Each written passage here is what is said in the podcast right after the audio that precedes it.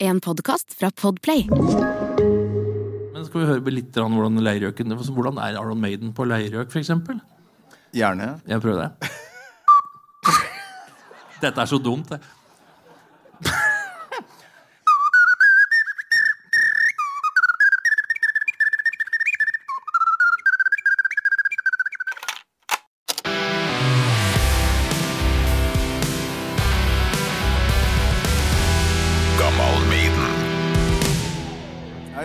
Er nordtrønder, så jeg, jeg må gjøre det nå før Stian skal få komme inn. Har dere det bra?! Ja! Ah, kom igjen, da. Har dere det bra?! Ja! Nå snakker vi. Nå snakker vi. En liten lydsjekk, eh, bare. Det er en ære for meg å få lov til å stå på Deichman. Som vanlig bruker vi å gjøre det her i sånne mørke rockebuler der det sitter eh, sånn svartkledde, langhåra folk. Men her var jo litt og hvert, ser jeg. Det, det er kult. Så tusen takk til Deichman Bjørvika som uh, har lyst til å gjøre det her i lag med oss. Ta vel imot fra Farmers Market fra ja, 300-400 norske album, vil jeg tro. Spellemannsvinner, Nordisk råd, musikkpris, nominert Stian Karstensen!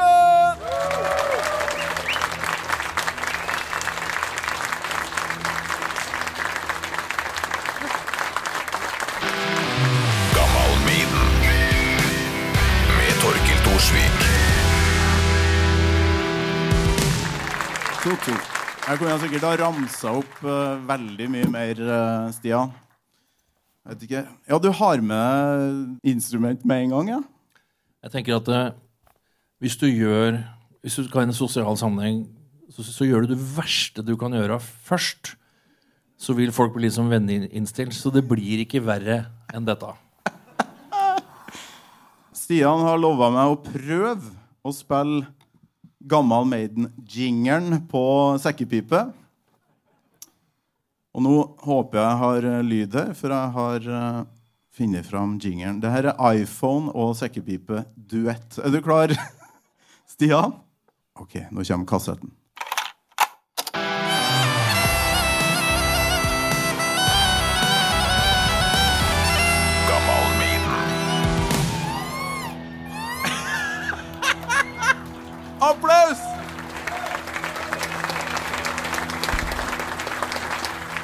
Å, fantastisk.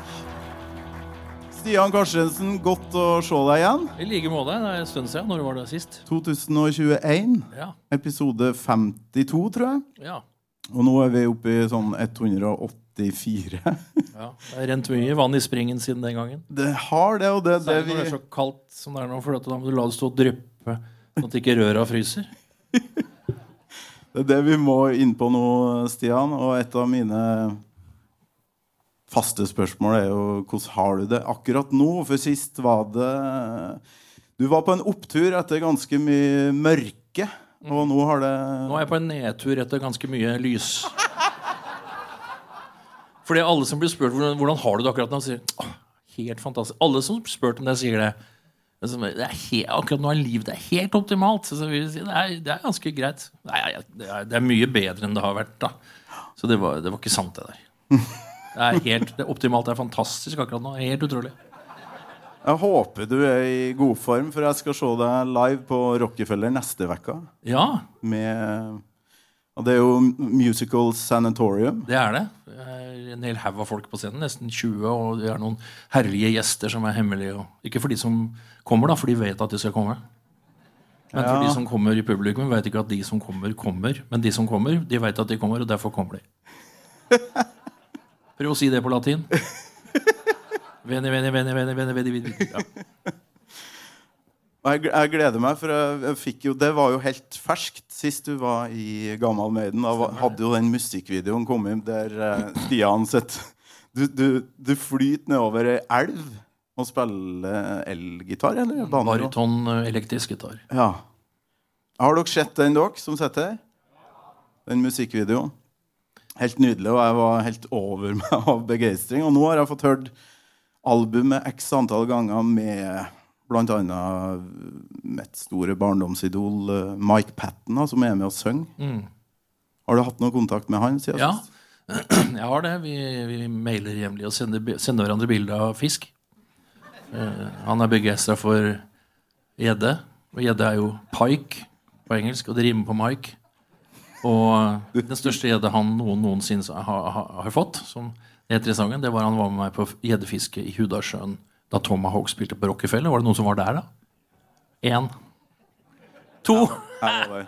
Ja, jeg så to borte. Vi er tre-fire i salen som Ja. var på Tomahawk på Rockefeller. Mike Patten er en fantastisk eh, ja, Vi kan vel kalle en vokalist. Avantgarde, metal. Han gjør alt.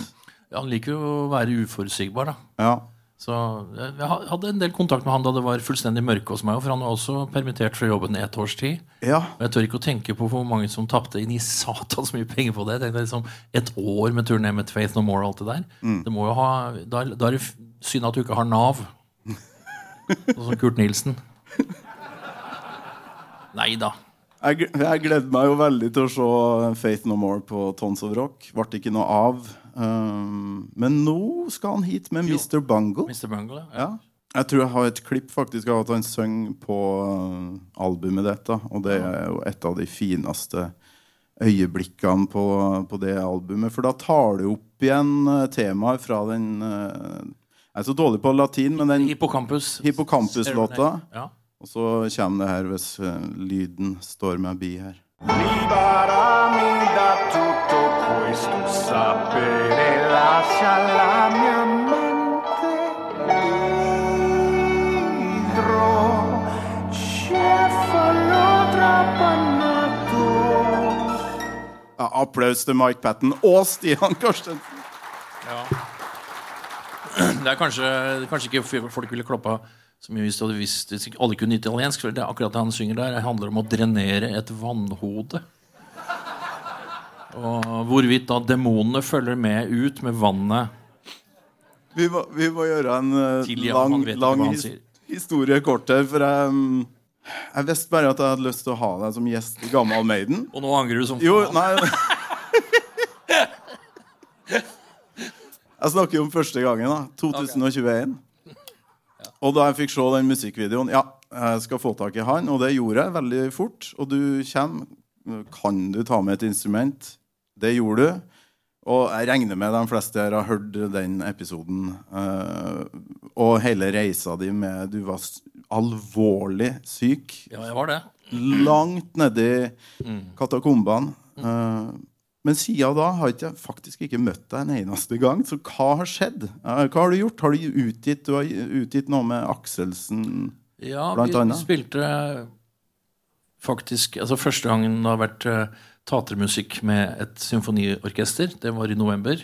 Det var eh, Veronica og Elias, far og datter, som da sang sin tradisjonelle musikk, arrangert for eh, KORK. da, Og en cimbalist som heter Johnny Lincoln, som spiller cimbalom, som er et veldig flott rumensk eh, eller egentlig- egentlig ungarsk instrument, og, og Ola Kvernberg. Så den kommer eh, på Romanifolkets dag 8. april. Da blir også den konserten sendt på fjernsyn for de som tar inn fargefjernsyn. Og eh, Apropos Norske kirke, så var jo altså eh, Kristelig Folkeparti mot fargefjernsyn i 1973.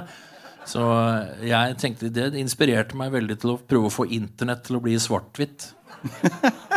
For de måtte gi tapt den gangen, og det ble i farger. Og, og det var da Einar Førde Fred over hans minne sa Vi veit at synda er kommet til verda, men vi vil ikke se henne i farger.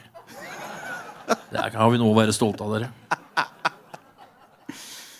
Du reiser flere ganger i året til Bulgaria Ja. fremdeles. Jeg gjør det, altså for å få litt eh, altså Det er et eller annet med å være i en kultur som er så gammel som Bulgaria. Det, det er jo mm, urgamle tradisjoner. eh, og annet det å danse barbeint på glødende kull uten å brenne seg. Det kan dere jo prøve. Det er ganske vanskelig. Men så, dette skjer da 22. mai i Bulgaria hvert eneste år. I en, en, den eldste landsbyen der. Så de mener at disse tradisjonene går sånn rundt 5000 år bak, tilbake. da. Og det var før Kristelig Folkeparti var mot fargefjernsyn i 1973. Eh, så det er litt sånn hedensk eh, opplegg. Og, så jeg skal selvfølgelig dit. Eh, og det er et eller annet med å få påfyll av folk som har trua på sin egen kultur. For jeg husker allerede i 1994, da det var en enkel seremoni med de nærmeste pårørende på Lillehammer. Kan dere huske det? Og Da var det vetter og hardingfeller, og da skreik folk eh, seg opp og sa at dette er nasjonalisme, og det er veldig usunt. da. Mens i Bulgaria så tar de ikke fem øre for å danse i bar overkropp med det bulgarske flagget, ganske drita fulle til sin egen folkemusikk. Og Hvis de hadde gjort noe sånt på, på 17. mai her, så hadde de blitt arrestert. da. Og, men det, det er jo ikke dermed sagt at de er blodrasister for det. Det er bare at de elsker sin egen eh, kultur, og at den har liksom ikke hatt noe sånn avbrudd. Sånn som eksempel folkemusikken i Norge. Den avgikk jo på en måte, altså den eksisterer jo, men som bruksmusikk, som folkets musikk, så der var det en gang på 1800-tallet. Bortsett fra på Røros, for der har de polsfester. Eller kolsfester, for det er så veldig fuktig i gruven der, så de får jordslaget på lungene, og så hoster de sånn at de, det blir en Det kan jeg vise, egentlig, for den rytmen er litt spesiell. Ja, gjør det. Og det er, et eller annet med det, alt, dette som skal presses inn i et system, det, det har jeg ikke så sansen for. og det er liksom, Dette er en litt sånn connection med, med bulgarsk musikk også, fordi at det er noe som heter truede taktarter. Og etter at eh, Bulgaria kom med i EU, så ville jo EU rett og slett rette ut agurker og taktarter fra 11-16 til til 3 fjerdedeler eller 4 og sånn, og det nekta bulgarerne. og de gikk i tog for dette her, og så fikk de lov til å beholde det. De fikk lov til å holde på med hjembrenning, som også egentlig skulle være forbudt for det ble med EU. Og de fikk beholde de skeive taktartene. På Røros der har de altså en skeiv taktart med en tretakt med avlang toer, og det er ikke en diagnose. Så, men altså, istedenfor at det er helt eh, streit, da, så Så er det mer sånn En, to, tre, en, to, tre. Så slag nummer to er 37% lenger enn det første slaget. Og dette her må vi verne om, syns jeg. Altså. Så, men eh, det, det jeg egentlig begynte på, var jo å si det at det er hyggelig å være et sted som, som har tatt vare på sin egen kultur uten å være flau over det. og sånt nå. Ja. Jeg var jo såpass mobba da jeg var 14 år at, 14 og år, at jeg slutta å spille trekkspill. Og da hadde jeg jo lært å spille norsk folkemusikk av folk som var født rundt 1900. Eh, spesielt en kar som betydde mye for meg. Han spilte feil og trekkspill, og han åt høgorm. Kalte det for buskfisk. Buskfisk? Ja, buskfisk, og det var fordi ikke kona skulle skjønne Han trodde at han hadde vært på fisketur, men han var jo tømmerhøgger da. Felte av og til trær, så sa han av og til så var jeg heldig. Da råker jeg et Råke betyr å treffe. Da råker jeg et ormebol, og da smaug ormen seg etter alle kanter. Da tok jeg slo den med huet med øksa, sånn, og så tok jeg med mat, så skal jeg opp i betet her. Og så stekte jeg panna, og kjerringa spurte, og da, da sa jeg buskfisk, og da sa jeg ikke noe. Det åt, serverte til middagen. Og det er sånne ting man må ta vare på. Man skal ikke bare vanne prydplantene, man skal også gi litt ekstra omsorg til ugresset. Derfor så tar jeg meg en slurk med Farris. Mens du gjør det, så må jeg, jeg sjekke Snap. Uh, nei da. Snap. Ja. Eh, nei, jeg har uh, i dag kommet over noe på YouTube. Stian, eh, 11 år gammel. Oh. Helt sikkert NRK. Der, du er munnrapp allerede her. Uh, I 1982, kan jeg stemme? 19, februar, 6. februar 1982. Ja, du husker datoen, ja? Det er bare fordi jeg, noen har sagt det til meg. Ja, for det er um, en intervjuer da som kanskje ikke tenker så, så godt på at han, han snakker med en 11-åring. da Du er så sjenert. Ja, det var før jeg ble Men du har et jævlig godt svar på spørsmål nummer to her. Um, hvis jeg har lyd Det er helt fantastisk. Får du tid til å gjøre lekser, da? Ja. Men du, det her trekkspillet ditt det er jo så svært. Det er nesten like stort som halve deg. Hvordan klarer du å holde deg på det, da? Jeg har reimer. Ja, det ser jeg jo skikkelig sånn feste bak her, så ikke det skal skli ned. Hvor mye veier det? Sju kilo cirka. Hva er det du skal spille for oss nå? Dizzie Fingers.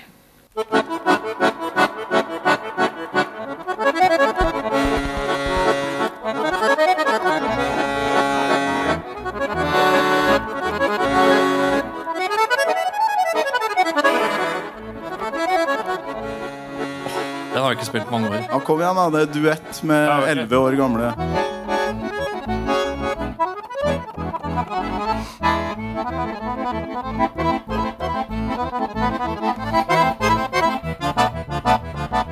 Mer, eller? Ja.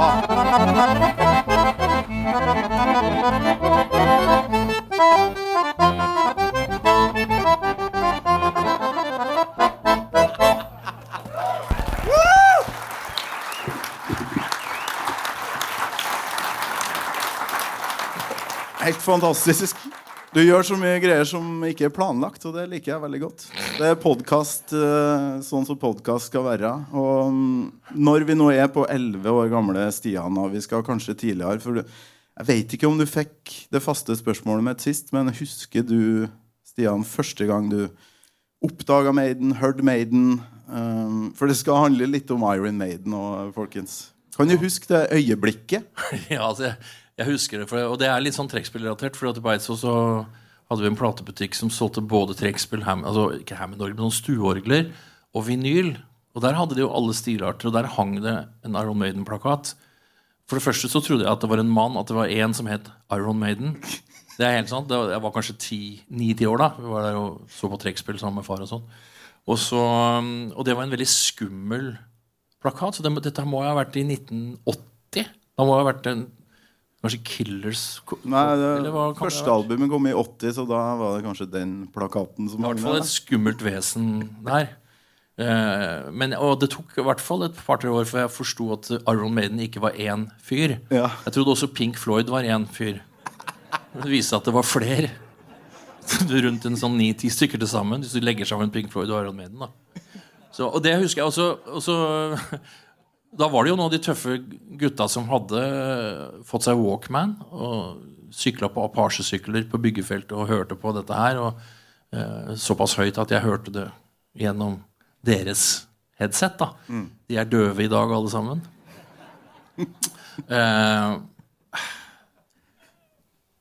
ja, nå mista jeg tråden litt her, for at nå ble jeg, så begynte jeg å tenke på sykler og det der giret som var på stanga der, som var sånn Du kunne late som du har en bil, på en måte. Husker du det? Apache-sykkelen. Ja, ja, ja. Eh, Den var produsert av Jonas Øgland i, Groegland, tror jeg.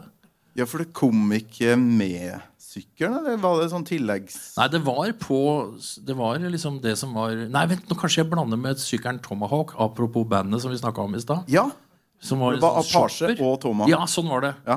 Sånn var det. Ehm, og så var det det med Walkman. Sånn var det, så Noen lytta til Iron Maiden. Og da hørte de det gjennom headsetet. Og så var det det giret.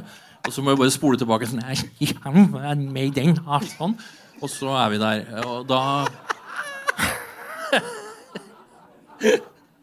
Og da husker jeg selvfølgelig det da, at jeg ble litt redd. Fordi jeg, tenkte, så jeg hørte, å, det var skummelt, det er skikkelig sinte de som spiller her. For jeg hadde jo bare hørt gammeldans og, og klassisk musikk og sånn før. Og pappa spilte jo i et slags danseband, men som ikke var sånn svenstopper. Men spilte sånn Shadows-låter og litt sånn uh, Han var for øvrig med et band som het Sunbeams, som hadde en hit som het 'Jeg kan ikke få opp min kokosnøtt'. Som lå, som lå i 1960 Nå kan det ha vært da, 66 eller noe sånt nå, eller 65 lå et hakk over 'Love Me Do' med Beatles på, i Sverige. Men akkurat da var ikke faren min med i bandet. Han ble med litt seinere, så det er ikke så Men ok. Eh, men i hvert fall, de hørtes veldig sinte ut, de som spilte. Beklager at det går litt hit og dit. Men eh, det er noe som heter assosiasjonstourettes, og det kan ikke jeg noe for at jeg har. Eh, jo, det, ja, det hørtes skummelt ut, og sånn, men så fikk jeg se et bilde, og det kan vel ikke ha vært i Alders eller Hjemmet. Det må vel ha vært et blad som het OK. Ja. Kan du huske det? Ja, ja, ja. Og da var det bilde av disse gutta fra Iron Maiden. For det første, oi, det var ikke bare én, det var liksom fem eller seks. eller noe sånt, jeg vet ikke, ja, kanskje fem. Og så var det bilde av dem på en pub. For det første så hadde de sånn varmere, sånn at du ikke skulle få senebetennelse. Litt sånn, så jeg, det var ikke så tøft. Liksom. Og så sto det jo smilte med en sånn pint med øl ved siden av eldre menn som røkte pipe. Og da tenkte jeg faen, dette er jo, ikke, dette er jo liksom, i hvert fall ikke sånn som Wasp, som er sånn eh, dritskumle med svart Så så en blanding av kjøtere, prostituerte og afghansk mynde og Merramig-greier, liksom. Så det, da, da ble jeg litt sånn overraska. De som spiller så sint og skummel musikk, ser så snille ut. Så Det er liksom mitt første minne da med Særlig han Dave Hva heter han? Dave Dave Murray. ja, som spilte gitar. Han, han hadde en sånn varme på hver hvert. Da tenkte jeg det er jo ikke så tøft. Det er sikkert veldig lurt, så ikke fra scenepresensen. Det er jo ikke tøft, for han der som spilte bass i Wasp, Blackie Lawless, Ja. han hadde sånn nagler her, og så hadde han susp, nagler, og, og så hadde han sånn bar, Nei, hva heter det, sånn um, sagblad. Ja. Så en, eh, en, en som gikk i klassen min eh, på barneskolen, la oss kalle han Stein Vidar Amundsen, for det er han heter.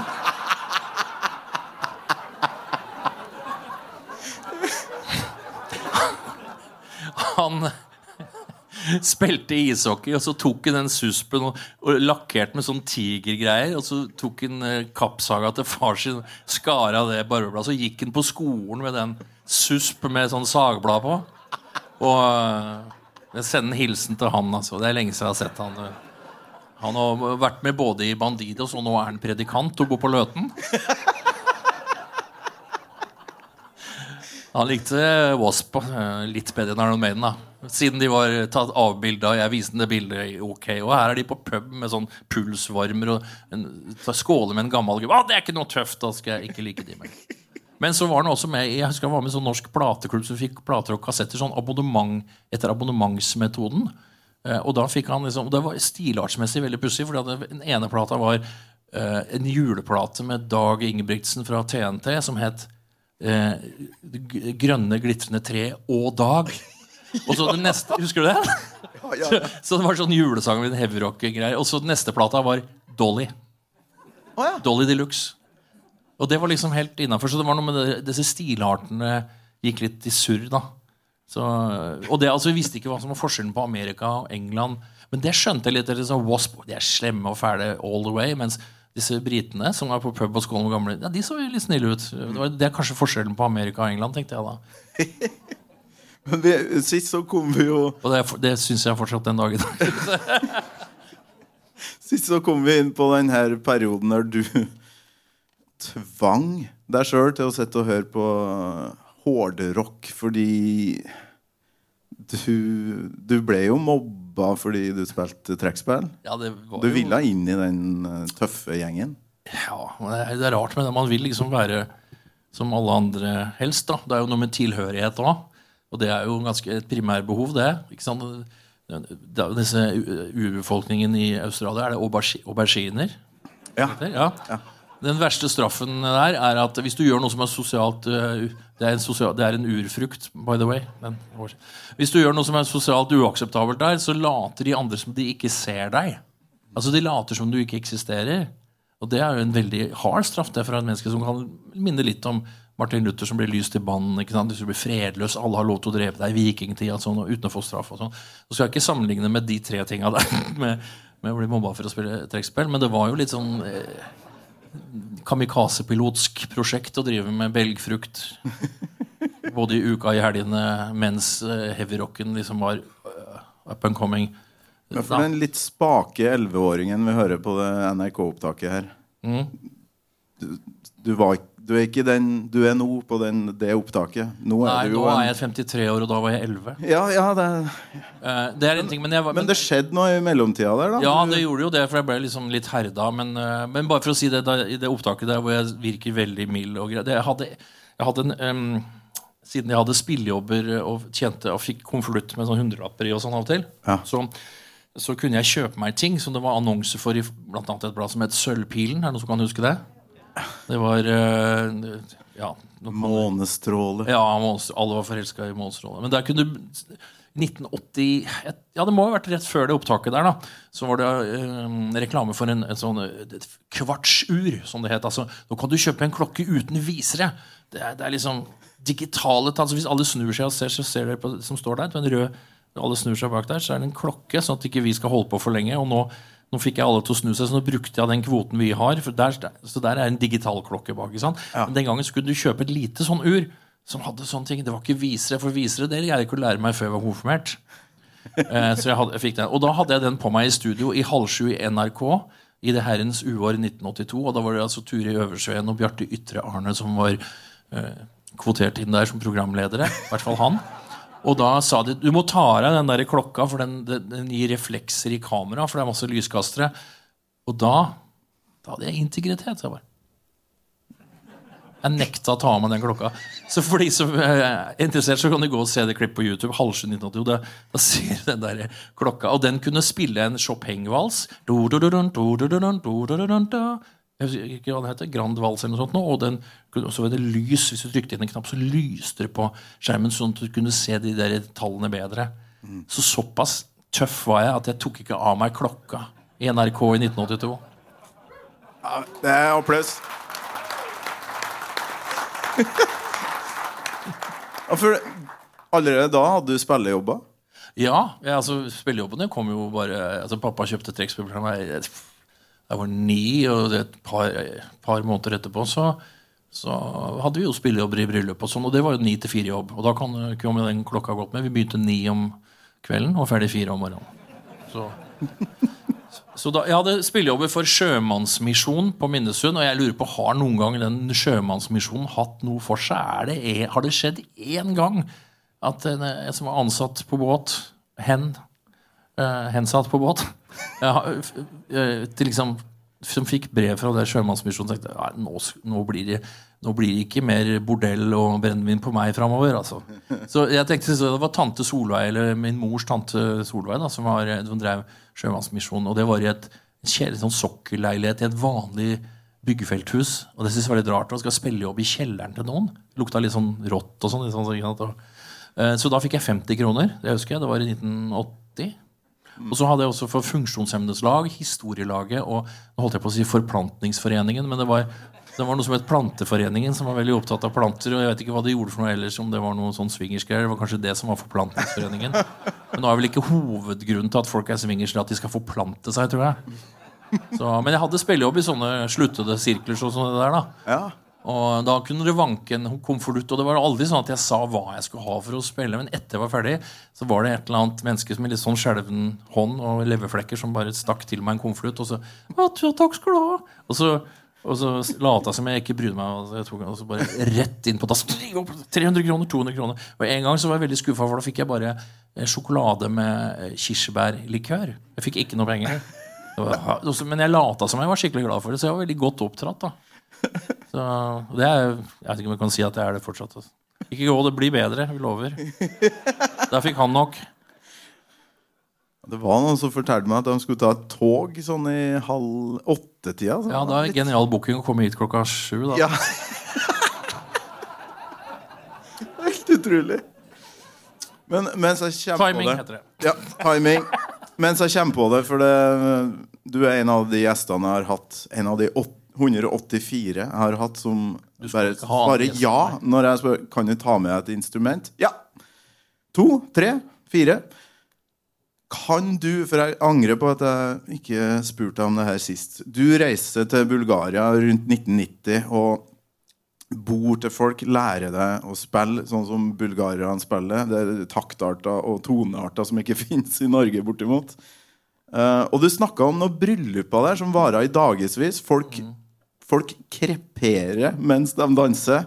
Ja, Jeg fikk, jeg fikk aldri noe eksempel på hva slags musikk du da spiller i det bryllupet. Kunne du ha Jeg kan gjøre det hvis du vil. Altså, det, Hvis vi tør, da. For plutselig så begynner jo folk å danse og krepere er jo livsfarlig. Ingenting er bedre enn hvis, hvis det går en lårhals og det stikker ut en sylkvass beinpipe ut av hoftekammen som et vårtegn.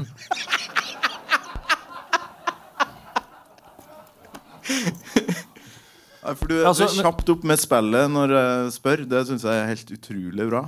Trekker raskere enn sitt eget beste. Det var det det sto i Lucky Luke. Nei, sin egen skygge. ja Uh, og det som er greia, det som er utfordringen nå, at disse bryllupene varer jo som sagt i tre-fire dager. Så jeg kan jo ikke holde på så lenge. Men jeg kan jo gi en liten smakebit. Da. Det er sånn, folk har jo alltid så dårlig tid om dagen. ikke sant? Uh, skal vi ta oss et par-tre minutter, da, så skal jeg lage et zip-fil-versjon? Altså en komprimert versjon av Par-tre minutter? Skal vi, ja. Nei, vi må ikke. Ja, Du kan si stopp du det? ikke ja, jeg, Er dere klare for det?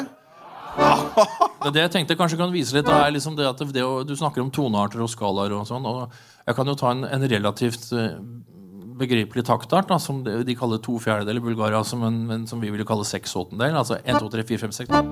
Sånn som dette her. Det er jo ganske forståelig, ikke sant? Det er samme taktart som den melodien, hvis det er noen som husker hva det var. Og hvilken melodi var det?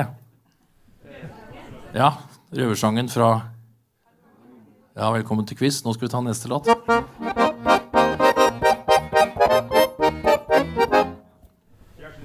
Fjernsynskjøkkenet. Det var det. Da, da vi varma opp for Men eh, de, spiller ofte i den taktarten der. Og mm, det er ringdans som foregår da, og da er det jo veldig veldig mange med i den ringen. På det meste har jeg sett folk opptil 1500 mennesker i en, en veldig stor ring. da Så kommer man i en slags transe. Og la, la oss begynne De har forskjellige mod, hva skal jeg si, stemninger. ikke sant? Og dette er én stemning. som heter Moll. Da kan man for spille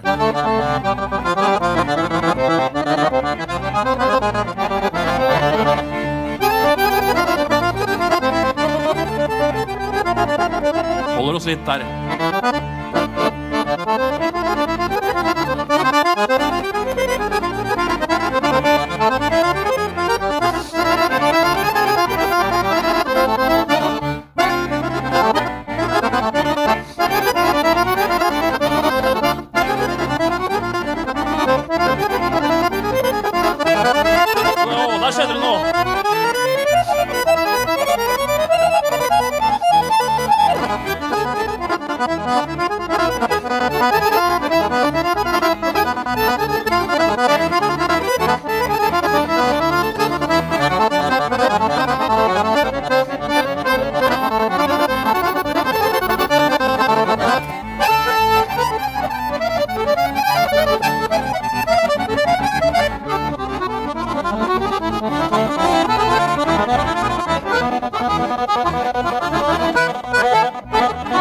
Og så videre, ikke sant?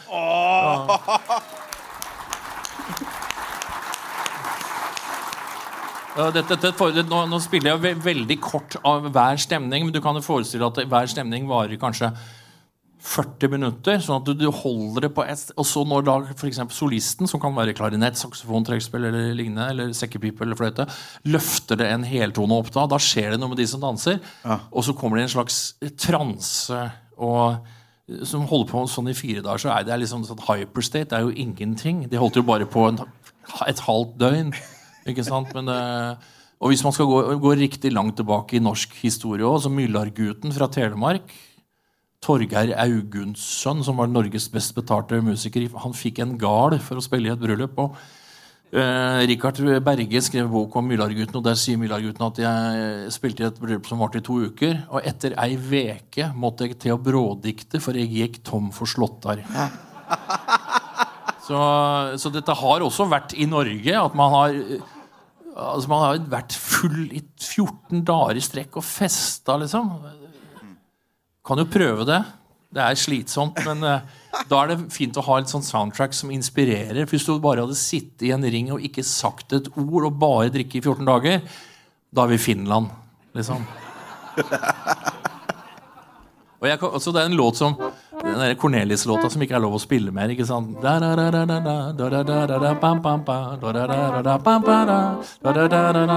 For det liksom handler om en prostituert og sånn. Jeg tenkte på at det var, Man hadde lagd en finsk versjon.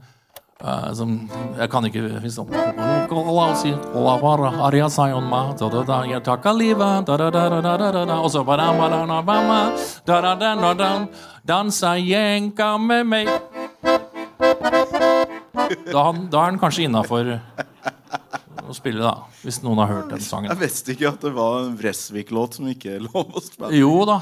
Det altså, det er vel en direkte oversatt eh, låt som er brasiliansk. Eh, den er, jeg kjenner den, gjør du ikke det? Og låta heter Det er det samme, dansa, ja, ikke sant? Eh, fordi at, men det som folk ofte blander litt sammen, er at selv om det handler om prostitusjon, så er ikke det at et menneske synger om prostitusjon det samme som prostitusjon. Og der, der driver folk og bommer litt for tida. Tenker jeg, altså Det at noen snakker om noe, er ikke det samme som at det skjer. Eh, og så Vi kan jo slutte å snakke om prostitusjon, men jeg tror fortsatt det vil forts fortsette, å fortsette å eksistere. Det sies at det er verdens eldste yrke, men jeg har en knapp at sankinga var først. Du sanker noe som noen trenger for å bli mette, og så er det å si Du kunne ikke tenke deg å bytte Jo. Og dermed så var prostitusjonen et faktum. Altså verdens nest eldste yrke. Dette er bare spekulasjoner. Altså. Jævlig god teori der. Hvordan havna vi der? Jeg beklager. Al altså, Assosiasjonstourettes er det beste som har skjedd den podkasten her. Ja, altså, vi lærer jo hele tiden at vi skal legge bånd på oss. ikke sant? Om det er moralsk eller, altså, Nå er vi jo sør for moralsirkelen, så da er det ikke så men, eh, men at vi skal alltid gjøre det der. altså Vi skal ikke gjøre sånn. Og, sant? Også hvis de, alle som for har hvis det er, er det noen som har barn her? Som er i publikum? Ja. Det er ofte at Når man står der med et lite barn, så tenker man liksom «Ah, Jeg står i sjette etasje på sjukehuset, jeg har akkurat blitt far. Kan kaste den ungen ut av vinduet. Du gjør det ikke, men de fleste har tenkt en eller annen sånn absurd tanke. For at Det er bare å presse på. Og jeg sier ikke at, jeg sier at I fleste tilfeller så er det lurt å kontrollere tanker som bare kommer. Da. Men det er liksom det at det, disse tankene, man kan liksom ikke noe for det. Og, så jeg tenkte at nå er jeg 53 år. Jeg har prøvd å legge bånd på meg siden jeg var barn. Bortsett fra det med klokka på halv sju i 82, da, så har jeg vært ganske snill. Og, og gjort sånn som alle sier at jeg skulle gjøre. ikke sant? Og så havna jeg i psykiatrien, og, hvor jeg for det første da Psykiatrien Ingenting hjelper av det de prøver. Og, og masse sånne teite ting. ikke sant? Jeg hadde vrangforestillinger. Hvis man har vrangforestillinger, vil si at man tror ting altså Nå er kveldens vrangforestilling avlyst her i kveld, men, eh, at du tror, du tror på ting som ikke er ekte. F.eks. at du har masse gjeld, eller at du har tatt livet av noen. eller et eller annet sånt, ikke sant? Og Hvis du da er lagt inn på psykiatrisk, sånn som jeg var, og var helt sikker på at jeg hadde 1,6 millioner i gjeld, og tenkte fy faen, da må jeg henge meg, for så, jeg kommer aldri til å greie å betale det. Og så går du til psykologen, og så sier psykologen og du har 1,6 millioner i gjeld. Ja, men da må du gå og snakke med sosionomen nederst i korridoren. korridoren fordi hun, hun kan gå og hjelpe deg med det her. Så knakker jeg på døra til sosionomen, og så ja, Jeg har masse gjeld. Skal vi se Forbrukslån begynner hun å søke på da. Med sånn der 700% rente. Istedenfor at hvem som helst av de som var ansatt på den der klinikken, eller dustestedet der, hadde kredittvurdert meg og funnet ut at han har ikke noe gjeld, han. Du var gjeldsfri. ja. Men jeg, jeg trodde at jeg hadde det.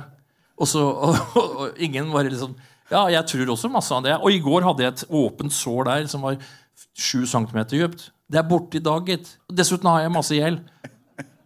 Da må du gå til sosionomen, så må hun søke på forbrukslån. Og er sånn, og der tenker jeg liksom, Du trenger ikke noe utdannelse for å skjønne at det er helt idiotisk. Og øh, ikke bare liksom bruke huet. da, Så det var det jeg skulle fram til. At jeg har respektert autoriteter i hvit frakk. Jeg har politiet, lærere Alle som har sånn, vært autoritetspersoner i mitt liv, har jeg respektert. Og jeg mener at man skal respektere alle uansett hvem de er. og Inntil det motsatte er bevist. Og grunnen til at Jeg forteller dette her er at liksom, jeg har alltid hatt troa på, på voksne. Folk som forteller meg hva som er lurt. og eh, eh, Og respekt for det. Men nå så tenker jeg, for å sitere Tore Sagen, han hadde standup-show Verden er full av helt vanlige folk som gjør så godt de kan. Det er ikke sånn at når du kommer til en fagperson så tenker du åh, en guru, en urmaker, han kan alt mur. Nei, der spratt det ut ei før. Han fant den ikke igjen, og klokka går ikke. Ikke sant? Så, så det er noe med det at man tar inn over seg at det er bare vanlige folk overalt. Selv om de har uniform på seg, selv om de har hvit frakk. Det er psykopater, det er idioter, det er snille folk, det er folk uten empati. Det er sosiopater. De er overalt. Og jeg sier ikke dette for å være sånn der konspirasjonshue, men jeg må jo ta det innover meg at jeg har fått fryktelig mange dårlige råd av autoritetspersoner. Eksempel da jeg på ungdomsskolen skrev stil. Tre røde streker. Her lar du vel fantasien løpe vel løpsk, Stian? Spørsmålstegn. Rød. Og så tenkte jeg liksom, ja, det kan hende det, men er ikke det bra av og til? At det, utgangspunktet er at du skal skrive en stil om en ferie, og så handler det om nazister og en kjempesvær gjedde som har drevet av en sånn der mekanisk robot som bare slukte en campingvogn. Gjør det nå?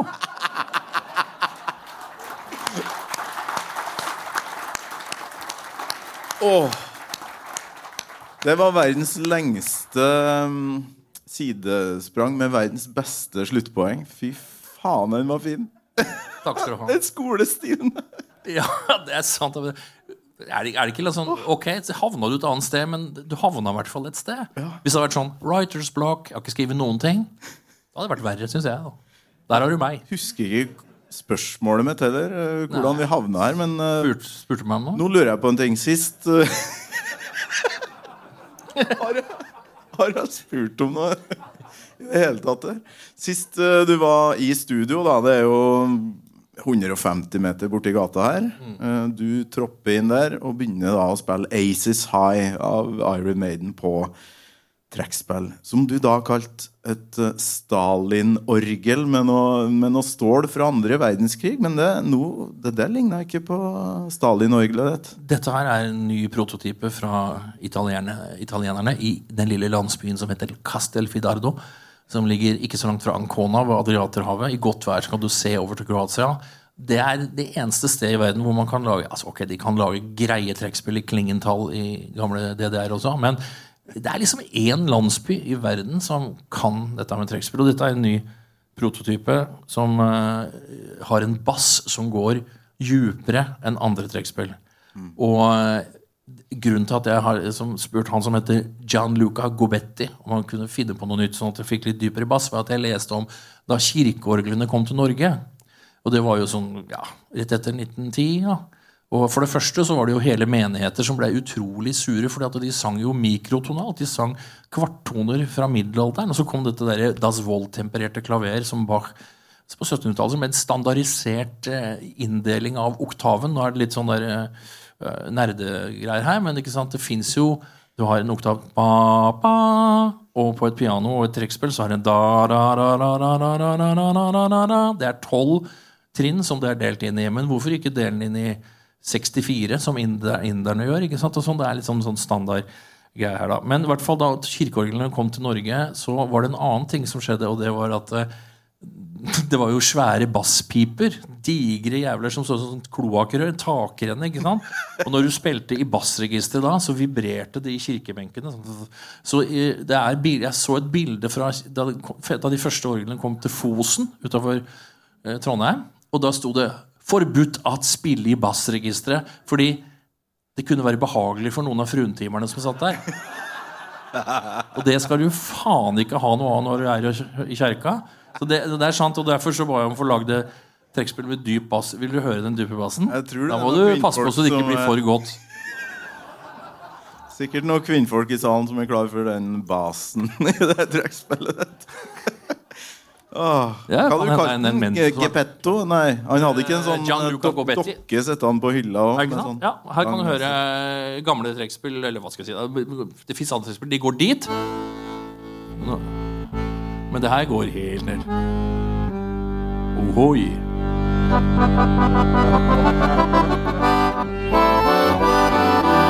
Nå kan du spille.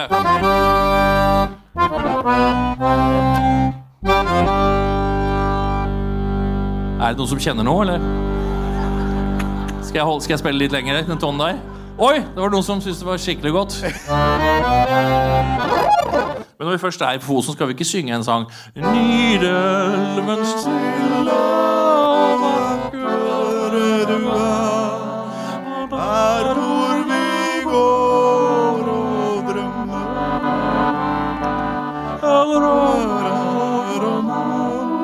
Vi hadde så kjær en ademare Jeg vet ikke hvorfor vi gjorde det, men Jeg aner ikke. Det var Har ikke du mellomfag i trøndersk? Jo. Det er rett og slett et bærbart eh, kirkeorgel. Ja, du kan, du kan gjøre mye rart på det. Altså, og, og så er det jo så det helt i andre enden så har vi da det, det, bitte små stemmer. altså Hvis de har sett et munnspill, så er det liksom sånn, og så er det litt mindre. ikke sant? Og det er sånne, er en ramme med en metalltunge som er klinka på, og når du blåser luft inn i den, så begynner det å vibrere i den tunga. Det er helt én til én, dette her. Og så blir det lyd. ikke sant? Og da, Den dypeste tonen på trekkspillet er jo den dype G-en. Men så har du den høyeste tonen, som er helt oppi.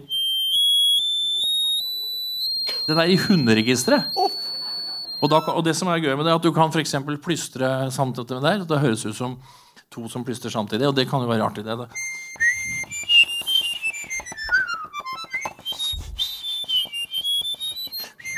Altså Og det gjør at du kan også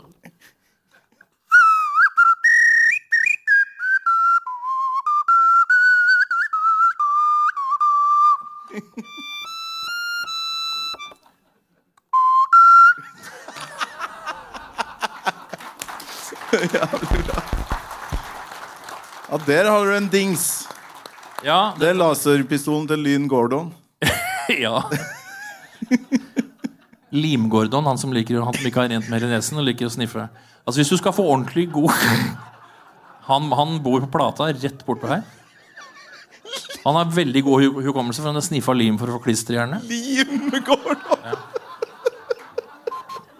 Pose med lynlås. Eh, dette her er en jeg Snakker om italienere. Dette er en, eh, en Sopranino-leirgjøk fra den beste makeren i Milano. Som er 18. generasjons leirgjøkmaker. I Norge så har vi bare 7. generasjon pottemaker Simonsen i Sandnes. Og hvis det er noen som har sett kommunevåpenet til Sandnes, så er det en leirgjøk. Jeg vet ikke noen som har fordypet seg i kommunevåpenet til Sandnes. Men det er rett og slett et veldig godt jordsmonn der. Det er leire. Som er fint å lage leirgjøk av. da, Avsporing. Men ja, dette er et billig og hendig instrument som du kan ha med deg overalt og irritere hvem som helst når som helst. Tradisjonsinstrument norsk, eller snakker vi Du snakker jo Italia her. Ja, Det heter jo ocarina, da, så om det er italiensk opprinnelsen. Men eh, det, fins også i Bulgaria, selvfølgelig. Mm. rundt 2500 år gamle helleristningaggregater med le leirgjøk. Og det er ikke bare, altså Leirgjøken er én-til-én-størrelse, men ellers er anatomien noe overdrevet når det kommer til menn i helleristninger både i Norge og Bulgaria, hvis dere skjønner hva jeg mener. Det er noen som liker å dra på litt der. Men skal vi høre litt om hvordan leirgjøken Hvordan er Aron Maiden på leirgjøk, f.eks.? Gjerne. Jeg prøver det.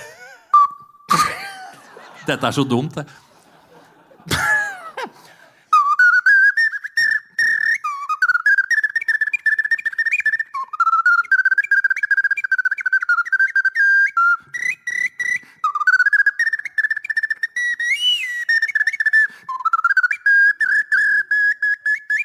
Og så kommer det skriket, vet du. Der, Du, du, du, du. Ja, Si, si det, du, så kan jeg sånn skrike. Du, du, du, du.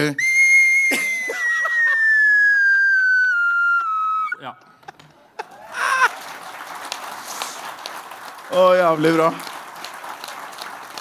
Men, eh, ok. Takk for at du drar litt Maiden inn i praten her. Det, det, Ja, altså, det er vel liksom min jobb, da, men eh, Ja, ja, jeg kommer på det, så tenkte jeg at når jeg først er i den låta der, så finner jeg har med et annet blåseinstrument også. Ja. Oi. Eh, dette er en bulgarsk kaval, som egentlig bare betyr fløyte i tre deler. Og den setter du sammen på samme måten som en usi. Og så kan du Det kan du si. Da, så kan man gjøre ting som er hyggeligere. Og da tenkte jeg at hvis det hadde vært eh, Jeg husker et band som, som het Yetro Tull. Husker du det? Ja, jeg tenkte at eh, I dag så burde det vært litt mer sånn politisk korrekt å kalle seg for heterotull. Steve, Steve Harris var kjempefan av uh, Jetro. Og, og progrock, så Så prøve samme låt på Og litt romklang, da, som de hadde i, i, det- i det kjente homobandet Het- Heterotur.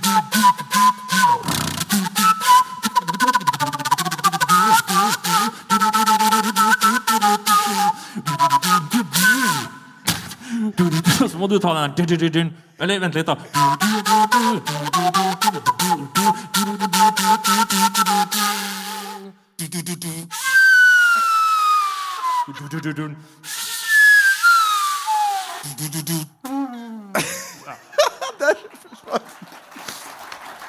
Åh, fantastisk.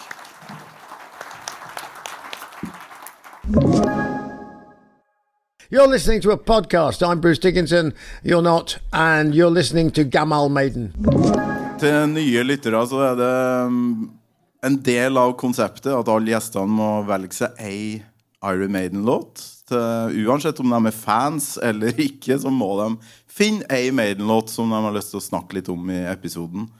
Og sist så Det bruker å stå i tittelen på episoden, da. Og sist så flaksa vi så jævlig at tittelen ble 'Murders in The Trooper High'. Var det, eller var det enda flere? Det var, vi var i hvert fall innom en seks-sju låter. Men uh, hvilken låt har du valgt deg i dag, Stian? Jeg har valgt meg en låt som jeg heter for Powerslave. Jeg har Powerslave. skrevet særoppgave om den. Jeg er så svak for så, trønderske gutter i stemmeskifter som har skrevet en særoppgave om, om, særoppgave om bandene de liker best i verden. Men jeg har valgt meg låta Powerslave fordi det er to grunner til det, og det er to musikalske grunner. Og jeg tenkte jeg skulle, For det første så egner seg ganske godt på sekkepipe. Og for det andre så, så er det muligheter for å bygge ut melodien, sånn at melodien tar en helt annen retning som er som tangerer blasfemi. Nå er du spent, tenker jeg. Nå er jeg jævlig spent. Og så Powerslave. Skal vi høre litt Ja, La oss høre litt om For det- originalen. jeg... Jeg vet ikke om vi får, får med det akkurat her, men det er jo partier i riffet der. Ja. Der jeg synes jeg hører noe orientalsk na, na, na, na, ja, na, na, na. Absolutt. Hvor uh, område kommer det fra? Nei, altså Det er jo, fins jo i hele Midtøsten og selvfølgelig Egypt. Men det- jeg var også inne på det i jeg spilte den lille bryllupstrudelutten i stad. Og det er jo en, selvfølgelig en helt rett linje mellom, mellom arabisk musikk og, og, bulgarsk musikk der, selv om den bulgarske ambassaden overhodet ikke vil innrømme det. Skal vi se Ja, introen da, det er jo en slave i starten. Han jobber. Og så kommer jo Nico McBrain og greier, da, vet du. Skal vi se her. Skummelt.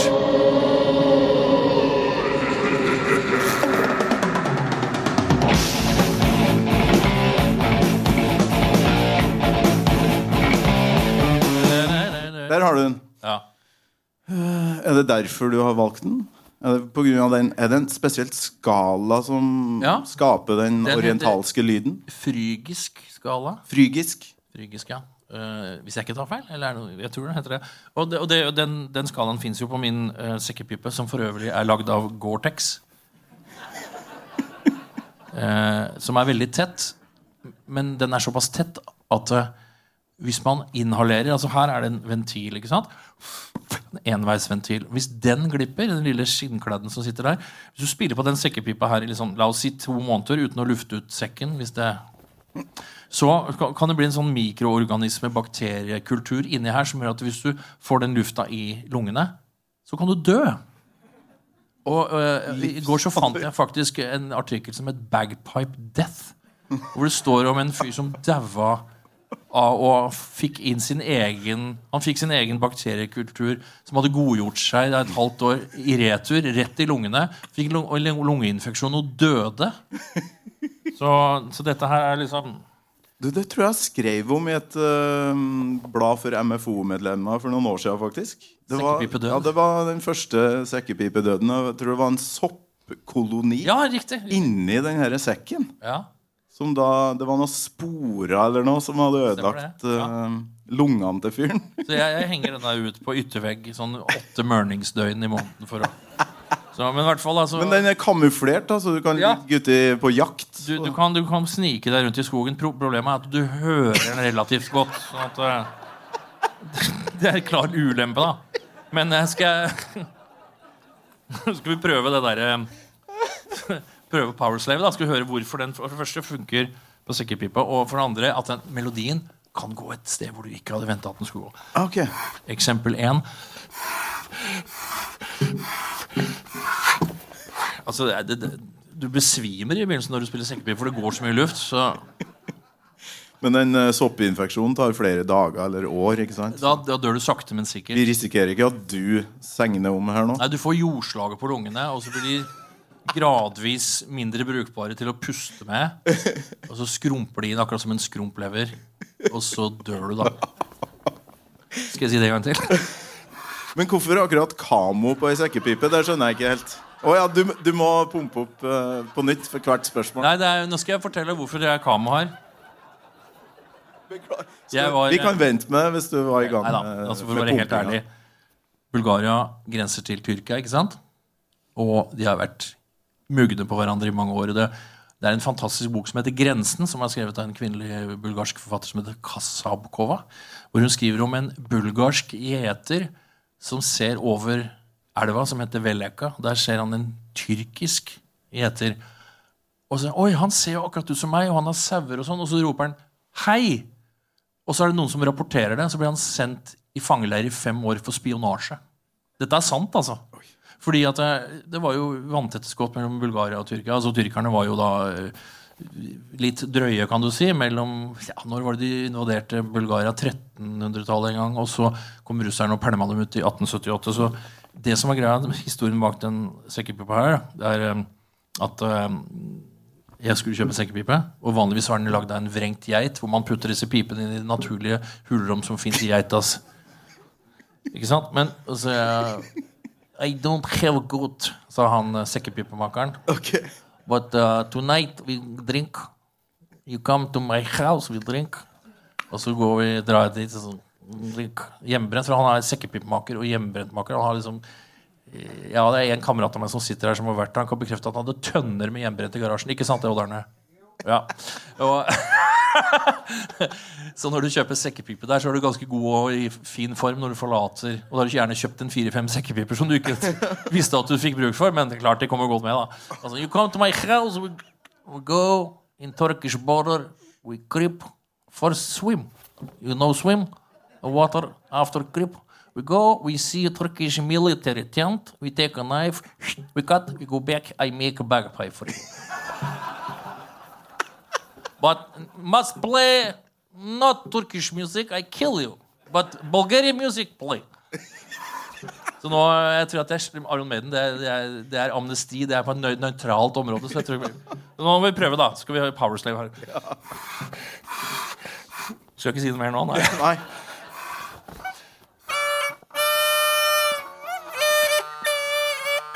Det må stemmes litt. Grann. Uh, Turkish men make sabotage backbeat. Ser ut som ei geit. da, vet du.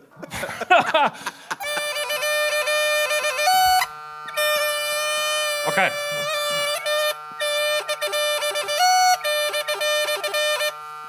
Nei, det må, jeg må Det spiller av seg sjæl. Jeg må eh, stemme litt til. Sånn. Det har kommet noen bakterier inni her. Så jeg må... Der gikk alarmen, hørtes det ut som. Det var bare sekkepipa. Vi prøver en gang. Vi har god tid. Det går an å redigere det programmet. Vi klipper bort alt det her. ikke sant? Nei, nei, nei. nei, nei. Ja, du må ha det Nå lenger vil ut. nå ikke i det hele tatt, da. Ja, men det er det Jeg lever for disse pinlige pausene. Det er der jeg eksisterer. Når bare ting bare går helt til helvete, og folk bare Å, herregud, skal han bli ferdig med det her sånn? Jeg vil Jeg ikke må dra det tørke tårene du det? mellom slagene. Der! Nå skal vi se. Ja, det var faktisk noe snerke fra Sånn. Og så. fungus. Det er sånn man teller opp eh, i Vatikanet. Én, to, én, to, tre, fire.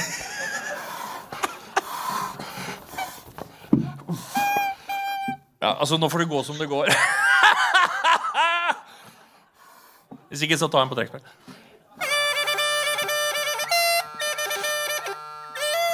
Ah! Han vil ikke spille den.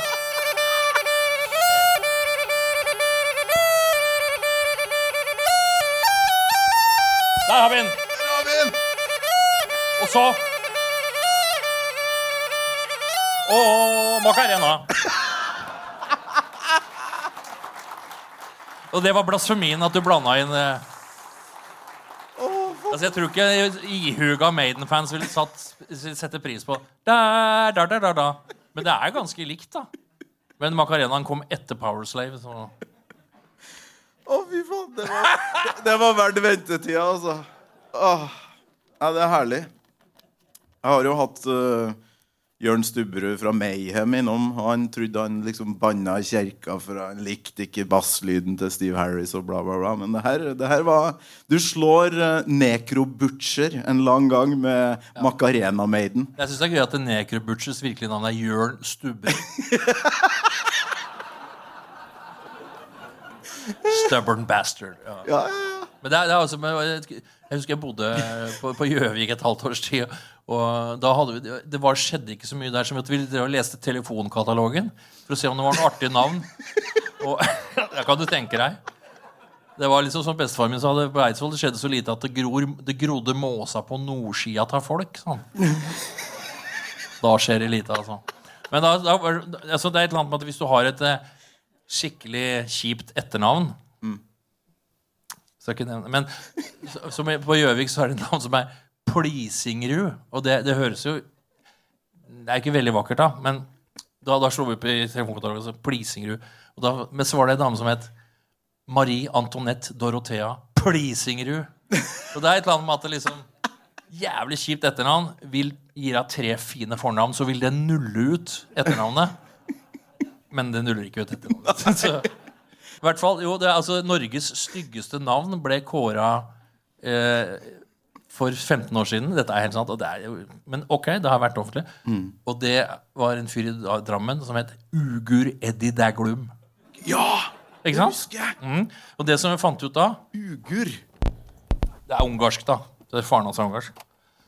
Men da, da, da, da var vi på turné. Altså, Norges styggeste navn er. Ikke bare det, men Norges norskeste navn er kåret også. Og da var jo Bergfrid Fjose ganske høyt opp på lista. Men det som gikk av med seieren, var Bergsvein Oldertrøen. Men det som gjorde at han vant, var at han var fra Tynset, og der uttaler du Bæsjven Ørdertrøa. Men eh, ok, Ugur Eddie Daglum, det var liksom Ugur Eddie Daglum.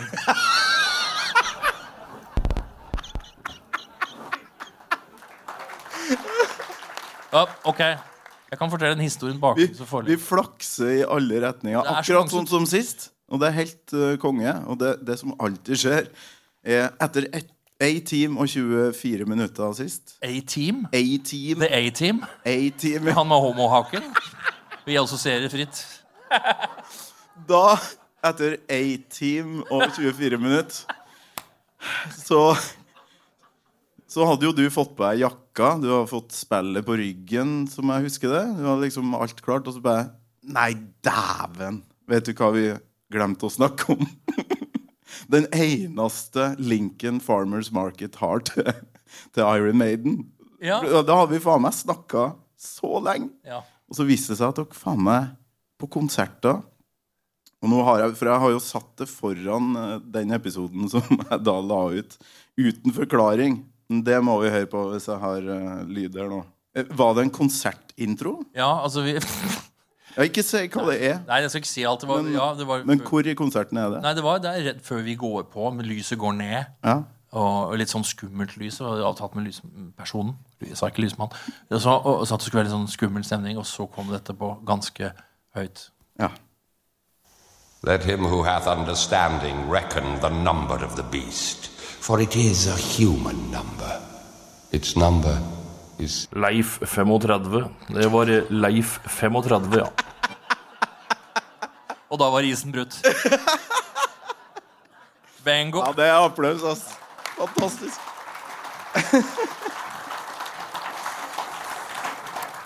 Åh, herregud. Ja, jeg setter jo med Du ga meg bok. Tusen takk for det. Vi er Ja. på et bibliotek. Ja. Og jeg regner jo med at uh, Deichman Bjørvika har den her, da. Det spørs om de fører den, eh, men altså God sesong for leppefiskere av Øystein Sunde og Stian Karstensen. Altså, jeg var Undertittelen, ser du den også?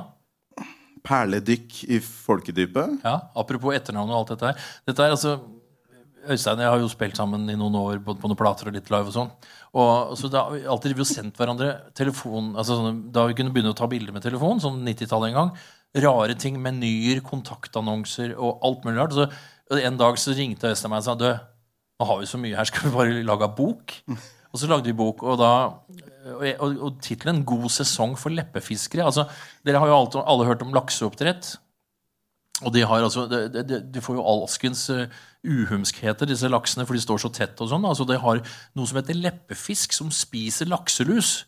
Eh, og og den, disse leppefiskene er jo folk som tjener veldig gode penger på å fiske leppefisk som de slipper oppi merdene, som det heter, til laksen. Og så eter den eh, lakselusa, da.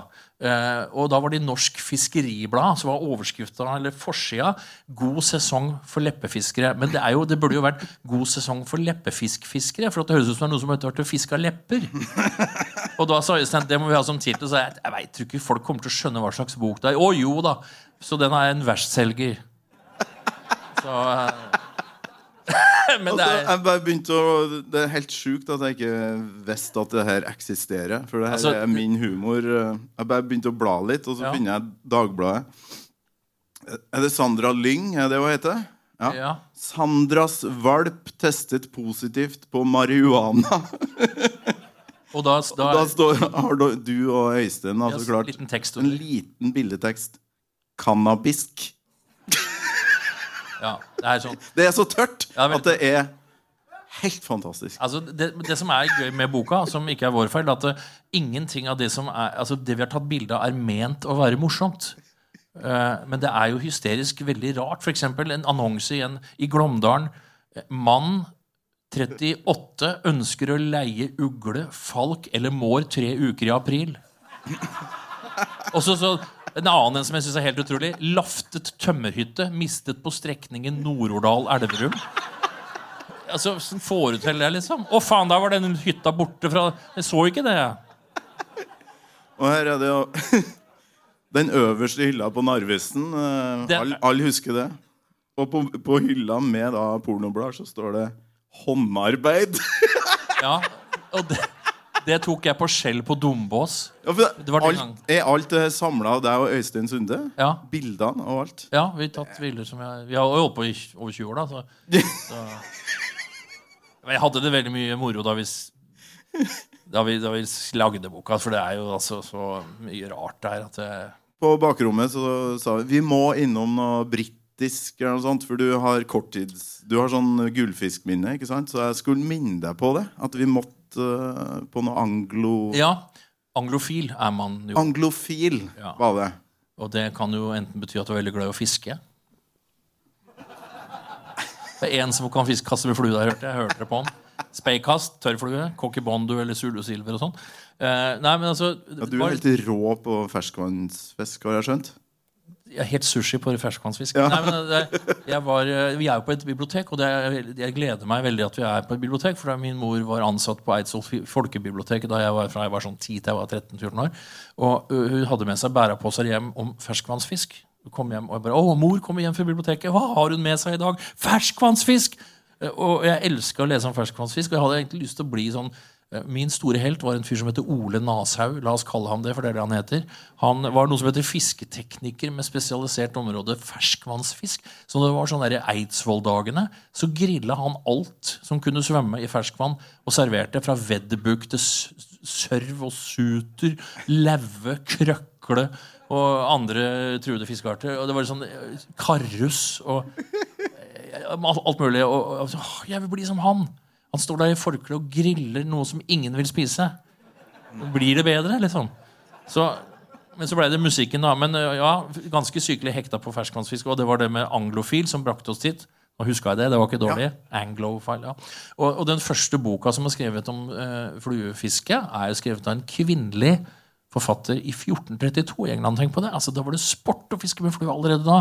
Og så kom jo bestselgeren som er solgt mest etter Bibelen, som heter The Complete Angler, Isaac Walton. Sir Isaac Walton, må vite, i 1653. Den har jeg i åtte utgaver. Eh, den samler jeg litt på. så det, så det er sånn Når du lukter på de bøkene, så er det som å være i en kjeller hvor det har råtna lik i 400 år. Liksom. Da veit åh, det er der jeg skal være. Og så et lite dikt om gjedden. Oh, the pike, thou art so great. Eh, ikke sant? Et lite dikt om hver ferskvannsvis. Harr grayling. Ikke sant? Det er, det er flott. Men Høres som ut er som eh, Maiden bør uh, Ja, men For de, en- de baserer jo mye låter på dikt. Ja. Så, ja. Jeg skal skrive brev til Arnold Maiden. Ja. Han fyren, han derre How about a song about pike? Ja. Hvorfor ikke? Altså, men er det ikke en av gutta som, som er fiskeentusiast? Jeg mener jo. det som han i Adrian Smith. Ja, Carp Monthly. Det er noe jeg abonnerer på. Altså, altså, tenk på det. Carp Monthly. Tolv ganger i året så kommer du ut Men det er jo bare en fisk med skjell. Men det er like interessant hver, hver gang. Og det er sånn der egen Det er en vinskap med karpefiske, særlig i England. da, liksom, Du fòrer opp et sted med spesiell Stilton-ost som har ligget og mørna i en kjeller oppe i Yorkshire. liksom, og Du knyter fast på en ytterst på en gren, og så kommer det noen fluer som liker den, og så blir det larver, og så detter det ned i vannet. Akkurat de larvene elsker karpa. Og så kommer karpa, da, vet du. Ikke det der rappebandet fra Oslo, men eh, og så eter dette her, og så får vi den på kroken. Og så er det ofte sånn catch and release. Og det er det motsatte av polakkene praktiserer i Norge. Det er mer catch and eat. Um, og de spiser jo Jeg så på Eidsvoll så var det eh, noen fra Polen som var til å fiska. Og de, ørreten lå igjen. Men de hadde rensa gjedde. Det lå et gjeddehud der og et gjeddeskjelett. Den ville spise. Er ikke det vakkert? Du har lest om Adrian Smith i Carp Weekly. Carp Monthly. Han var, Monthly, ja. han var midtsidepike der med en helvetes karpe. Tenk på det, ja. Og det er, av en eller annen grunn så er det veldig få kvinner som abonnerer på Carp Monthly. Altså, hva er bedre å se en fyr med en diger karpe som sm- smiler? Altså, hvis du ikke blir i godt humør av det, da er du muggen. Altså. Men ok. eh, en liten Hvis vi rekker den der siste kuriosa-historien, så var det eneste jeg hadde tenkt jeg skulle si i dag. Så jeg håper at de klipper bort ganske mye nå for dette her. Ja, for det er den eneste. Nei, men eh, vi, vi, vi var eh, Lille anekdoten du hadde En liten anekdote. Var- var- husker jo at eh, i september i fjor så var det en kjent, en ganske profilert brite som gikk bort. mett av dager. Og det var ja, Queen Elizabeth. Og tilfeldigvis var jeg i London akkurat da den begravelsen var. Og så horder av eh, briter da, som, som med stø kurs for kontoret til Bruce Dickinson. For han har jo han kan kontoret like ved Buckingham Palace, en statsviter. Så jeg oi, det må være han. Nei, det er dronningen som. Så alle, og de løp rundt og sang da, da, da, Ikke sant? Så eh, oppdaga jeg da like etterpå lese en artikkel. Jeg altså abonnerer på et, to tidsskrift til. Ene heter Narsissisten. Det kommer en gang hvert fjerde kvartal. Eller en gang i Ja, om du vil. Eh, og det, Narsissisten, der har du på andre sida der så er det alltid et speil. Så at hvis du leser og syns nå blir det kjedelig her, så blar du tilbake til side to. Mm.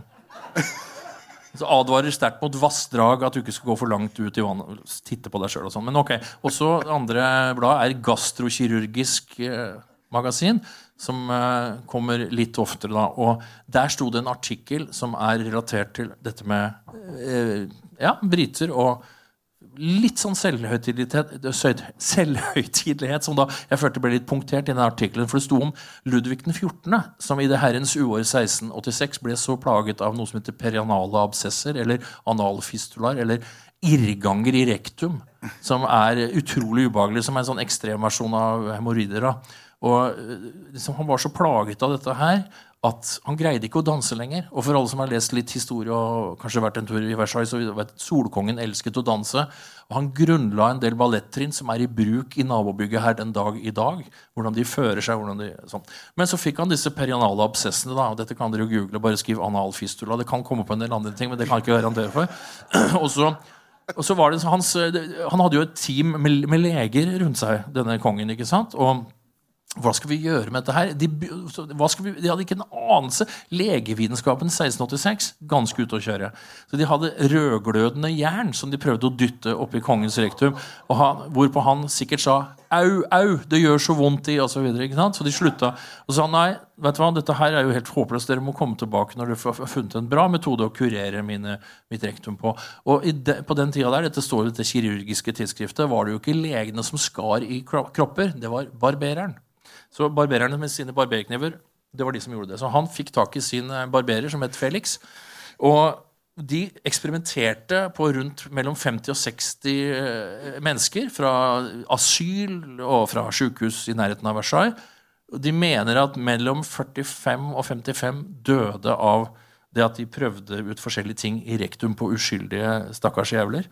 Og så ble begravd på morgenskvisten, så at ingen kirkeklokker skulle ringe. Ingen skulle vite at noen ble drept. da. Eh, men etter hvert så fant da Felix denne barberen opp en slags sigd. Som dere har sikkert sett, en sigd eh, ikke sant? som han høster eh, korn med. Dette er en forestilt en sigd som er litt smalere, som han høster perianale absesser med.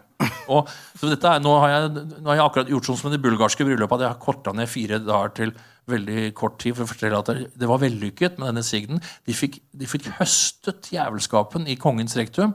Og han ble helt frisk, men mens han ble frisk, så gikk han med store bandasjer. Og han var datidens influenser. ikke sant? Han var jo født samme år som Dom Perignon. ikke sant? Og døde samme år som Dom Perignon, som, var, som fant opp champagne. Og det var jo Ludvig 14. som, som sal, fikk salget i fart der for champagne, så han hjalp Eh, han munken da, som lagde champagne. Men alle ville være som kongen. Så alle, å, kongen går rundt med kjempebandasjer. Jeg vil også rektalopereres. Ja, men de er jo ikke syke. Ja, det gjør ingenting. Gi meg en operasjon. Og så la de seg på ryggen. Og sånn. Men de, de, fikk ikke operasjon, men de kjøpte seg bandasjer. Så de gikk rundt og sprala og spankulerte rundt i hoffområdet der. da, sånn at alle skulle tro at de hadde hatt samme operasjon som kongen. Og så kommer da poenget her. Det er en lang vei dit, men hensikten hellige middelet. Glem ikke det, kjære barn.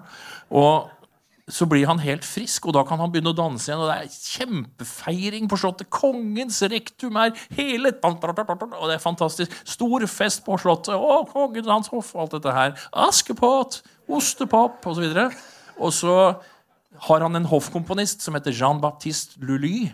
Som for øvrig døde en bisarr død. Han hadde en taktstokk som han slo seg på tåa. Der var Kolbrand. Men han skrev en melodi for å feire vitenskapens triumf. Og jeg tenkte at vi skulle kanskje runde av podkasten så langt, så skal ikke jeg bestemme det, med allsang. Hvilken melodi var det Jean-Baptiste Lully skrev i 1686 for å feire at kongen hadde en vellykket rektaloperasjon, som senere ble en sentral melodi ved det engelske hoff? Jo. Syng med nå.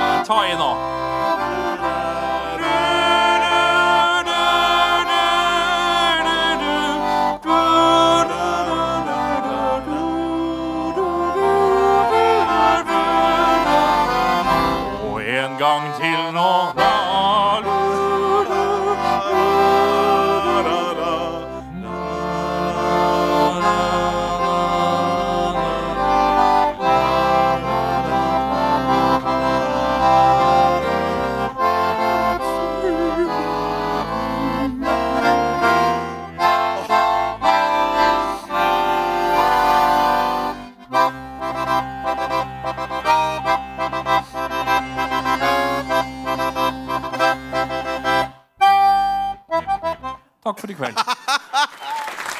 Ja, Karstensen!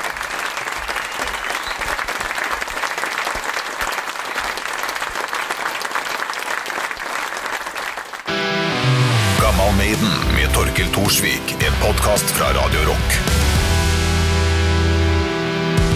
Har dere kosa dere? Siste applaus til Stian Karstensen. Takk for i kveld.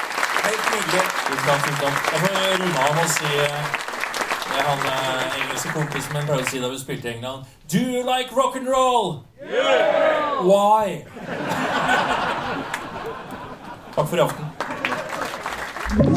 Du har hørt en podkast fra Podplay. En enklere måte å høre podkast på. Last ned appen Podplay, eller se podplay.no.